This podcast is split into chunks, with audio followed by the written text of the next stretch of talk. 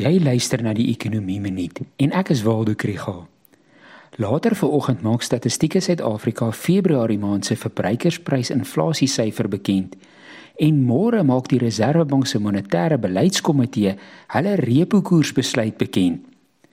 Die konsensus onder ekonome is dat Februarie maand se inflasiesyfer effens hoër gaan wees as in Januarie. Maar ons weet dat dit nog nie die oliepryskok of die verwagte stygings in voedselpryse wat volg op Rusland se inval in Oekraïne al ingesluit is nie. Pryse het verlede maand al rof gelyk, maar dit gaan nog erger raak.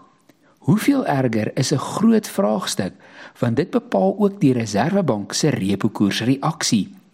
Eerder as om te voorspel, werk ekonome met scenario's. Citibank se beer scenario is dat die olieprys rondom 97 dollar per vat bly en dan val tot 62 dollar teen die einde van die jaar. Dan behoort inflasie op gemiddeld 5,6% uit te kom.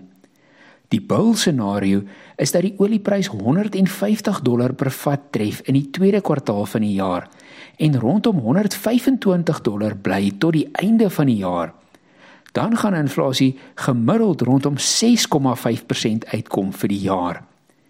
Meeste ander voorspellings plaas die inflasiekoers hoog in die Reserwebank se teikenband, maar ekonome is dit eens dat drastiese beleidsstappe nie nou nodig is nie. Sommige kommentators praat van die spook van stagflasie, maar ek los dit vir môre se episode.